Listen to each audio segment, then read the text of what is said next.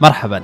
أنا سعود العود وهنا ثمانية وثلاثة أرباع. بودكاست على طريق الثمانية. اليوم آه معنا موضوع جدا شيق. آه موضوع سعيد متحور على السعادة وكيف ممكن نوصل لها.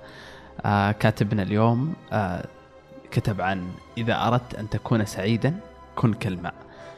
سيد إدريس كيف الحال؟ الحمد لله أهلا وسهلا. آه عندي سؤال كذا دائما أنا أسأل أي أحد آه اللي ليش كتبت المقالة هذه؟ أنا مهتم كثير بفلسفات الأداء و انه شو الشيء اللي بيخلي شخص ناجح ناجح يعني لما بتشوف الرياضيين مثلا لما تكون أنت عندك آه، على سبيل المثال مباراة ملاكمة كبيرة جدا ولا عندك آه، سباق أولمبي قريبا يعني الواحد بيتوقع إنه لما يكون في مثل هالضغط عليه راح يكون أكيد عم يجتهد ويعمل تدريبات آه، يعني شديدة جدا. بس إنه لما تفكر فيها كل المتسابقين وكل الرياضيين غالبا رح يتدربوا نفس التدريبات ونفس المدة اللي عندهم. ويعني يعني ما حتلاقي مثلا إنه الفائز بسباق آه، آه، في أحد السباقات مثلا كان يتدرب كل يوم 24 ساعة. لا هو بيتدرب نفس التدريب اللي تدربه باقي المتسابقين اذا توصلت إلى انه في آه، فارق ما فارق بسيط جدا آه، يغير من آه، مستوى الأداء في عمل أي مهمة لذلك بحثت عن هذا الفارق وتوصلت إلى ال- فلسفات الأداء اللي ذكرتها بالمقال وأهمها ال flow state ف وحبيت إني أشارك هالتجربة. مع القراء طيب آه زيد كتبت إنه إذا أردت أن تكون سعيدا ليش مو بناجحا؟ ليش مو منتصرا؟ هو فلسفة ال flow state اللي ذكرتها في المقال اللي هي آه، شعور الانسيابية هو يؤدي إلى النجاح صحيح لكن في مغزاه لما لما تفكك اللي الشيء اللي بيفعله المستعمل مشاعر الانسيابية و- واللي واللي بيدرس فلسفات الأداء تجد أنه يعني يزيد من سعادته أو يحاول أن يزيد من سعادته عبر هذه الفلسفات الحياتية. آه، فلذلك يعني هي في في جوهر الموضوع المقصد هو أنك تصل للسعادة. وبالطريق أكيد رح توصل للنجاح بسبب أنك آه، وافقت بين ما تحب فعله وما أنت جيد في فعله ومع التحديات الصعبة. مثل ما شرحت يعني ممكن نقول إن أساسا آه أنت بتوصل للنجاح عشان توصل للسعادة، السعادة هو الهدف الأخير. هو السعادة الهدف الأخير. أنا برأيي آه، بشوف إنه الهدف الوحيد واللي تصب فيه كل الأهداف الصغيرة الأخرى في حياة الإنسان هي السعادة وبس.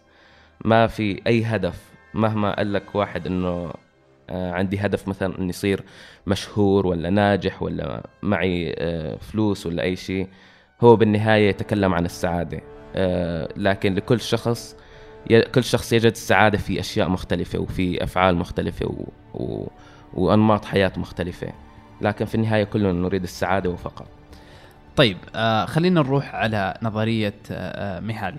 آه كيف آه بديت فيها وايش هي النظرية؟ طيب الانسيابية آه، ميهالي وضع نموذج للمشاعر أعلاه على آه، أعلاه هو شعور الانسيابية. فقال ميهالي بنظريته آه، أنه إذا كان عندك أي مهمة أي مهمة من أي نوع كانت رياضية أو فنية أو علمية و...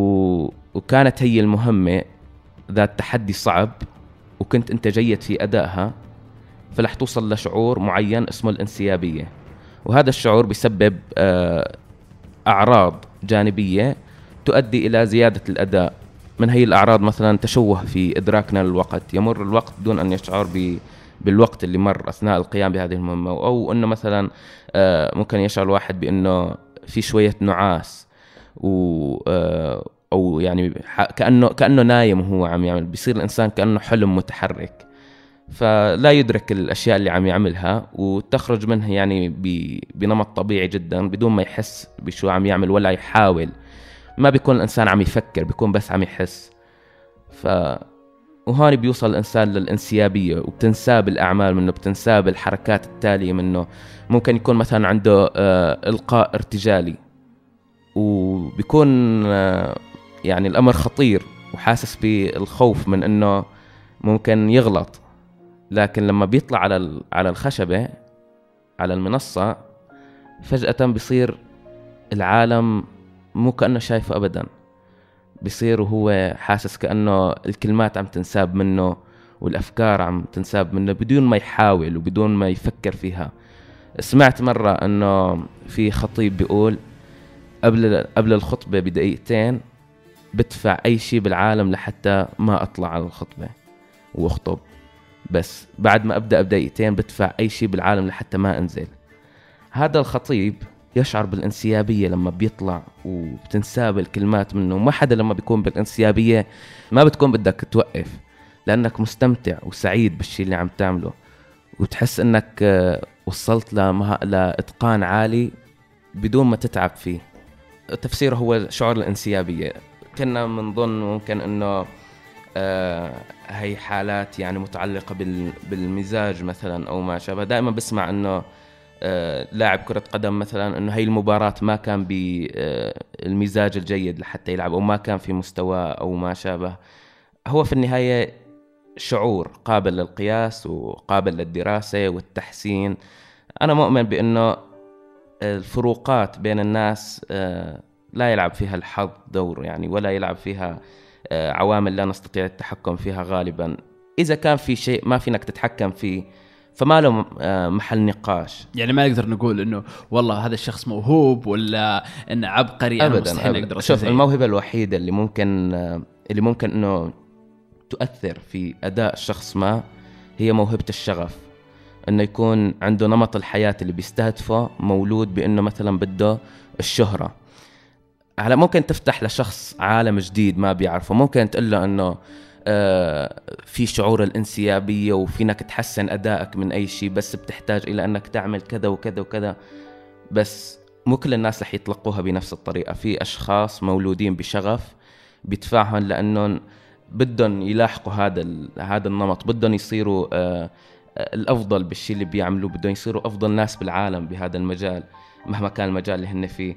وفي ناس آه، بس بدهم يعيشوا حياة بسيطة وأنا بحترم آه، كلا النمطين وهو كل النمطين يعني ما لح ما حدا منهم رح ينجح بدون الآخر. بس هذا الفارق بين شخص موهوب أو عبقري كما إحنا اعتدنا ان نقول وبين- نحن نحن اخترعنا هي المصطلحات حتى نبرر إنه شلون ما قدرنا نوصل للي للي وصلوه من بال- بالدراسة العادية بالإجتهاد الطبيعي ال- ال- اللي يعني البسيط. فقررنا أنه يعني نبني هالسور الضخم ال- الخيالي من أنه هذا شخص عبقري ولا موهوب وفينه يولد وهو بيعمل هالشغلة. هو ببساطة آه، نحن وجدنا هذا الشيء لأنه حسيناه عم يعملها بسهولة آه، زيادة يعني.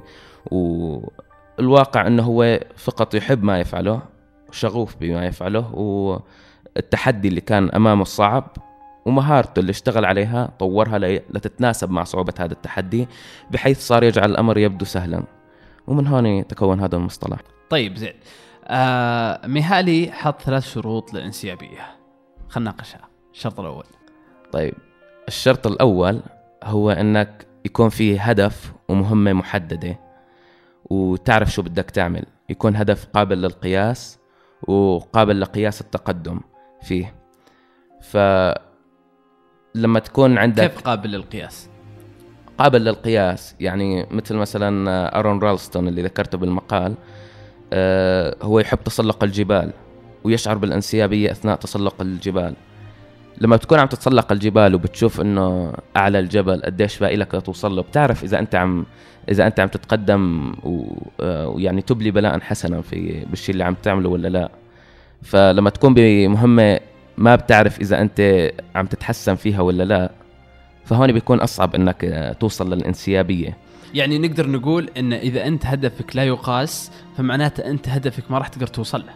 مم. هو يعني آه، قابلية القياس للهدف بعيدا عن الانسيابية هي آه، صفة في الأهداف ينصح بها أصلا لإمكانية تحقيقها عموما. بعيدا عن الوصول للانسيابية. مجرد إنك تضع هدف مثل مثلا إنه بدي أنحف خلال السنة القادمة بما إنه وصلنا لنهاية السنة فممكن يبدأ الكثير من الناس بوضع الأهداف. خطط وأهداف لهي السنة. آه، ممكن إني أنصح بس بإنك يكون عندك أهداف قابلة للقياس لأنه لو قلت إنه مثلا بدي أقرأ كتب أكثر ولا بدي أنحف هي السنة فما رح تعرف إذا عم تتحسن ولا لا. لا حط هدف دقيق جدا بحيث يبدو الأمر وكأنك أنت شايفه أصلا. لما لما فينك تشوف هدفك وتقدر تقوله وتكون شجاع بما فيه الكفاية لتقوله لأنه هذا شيء صعب فعلا.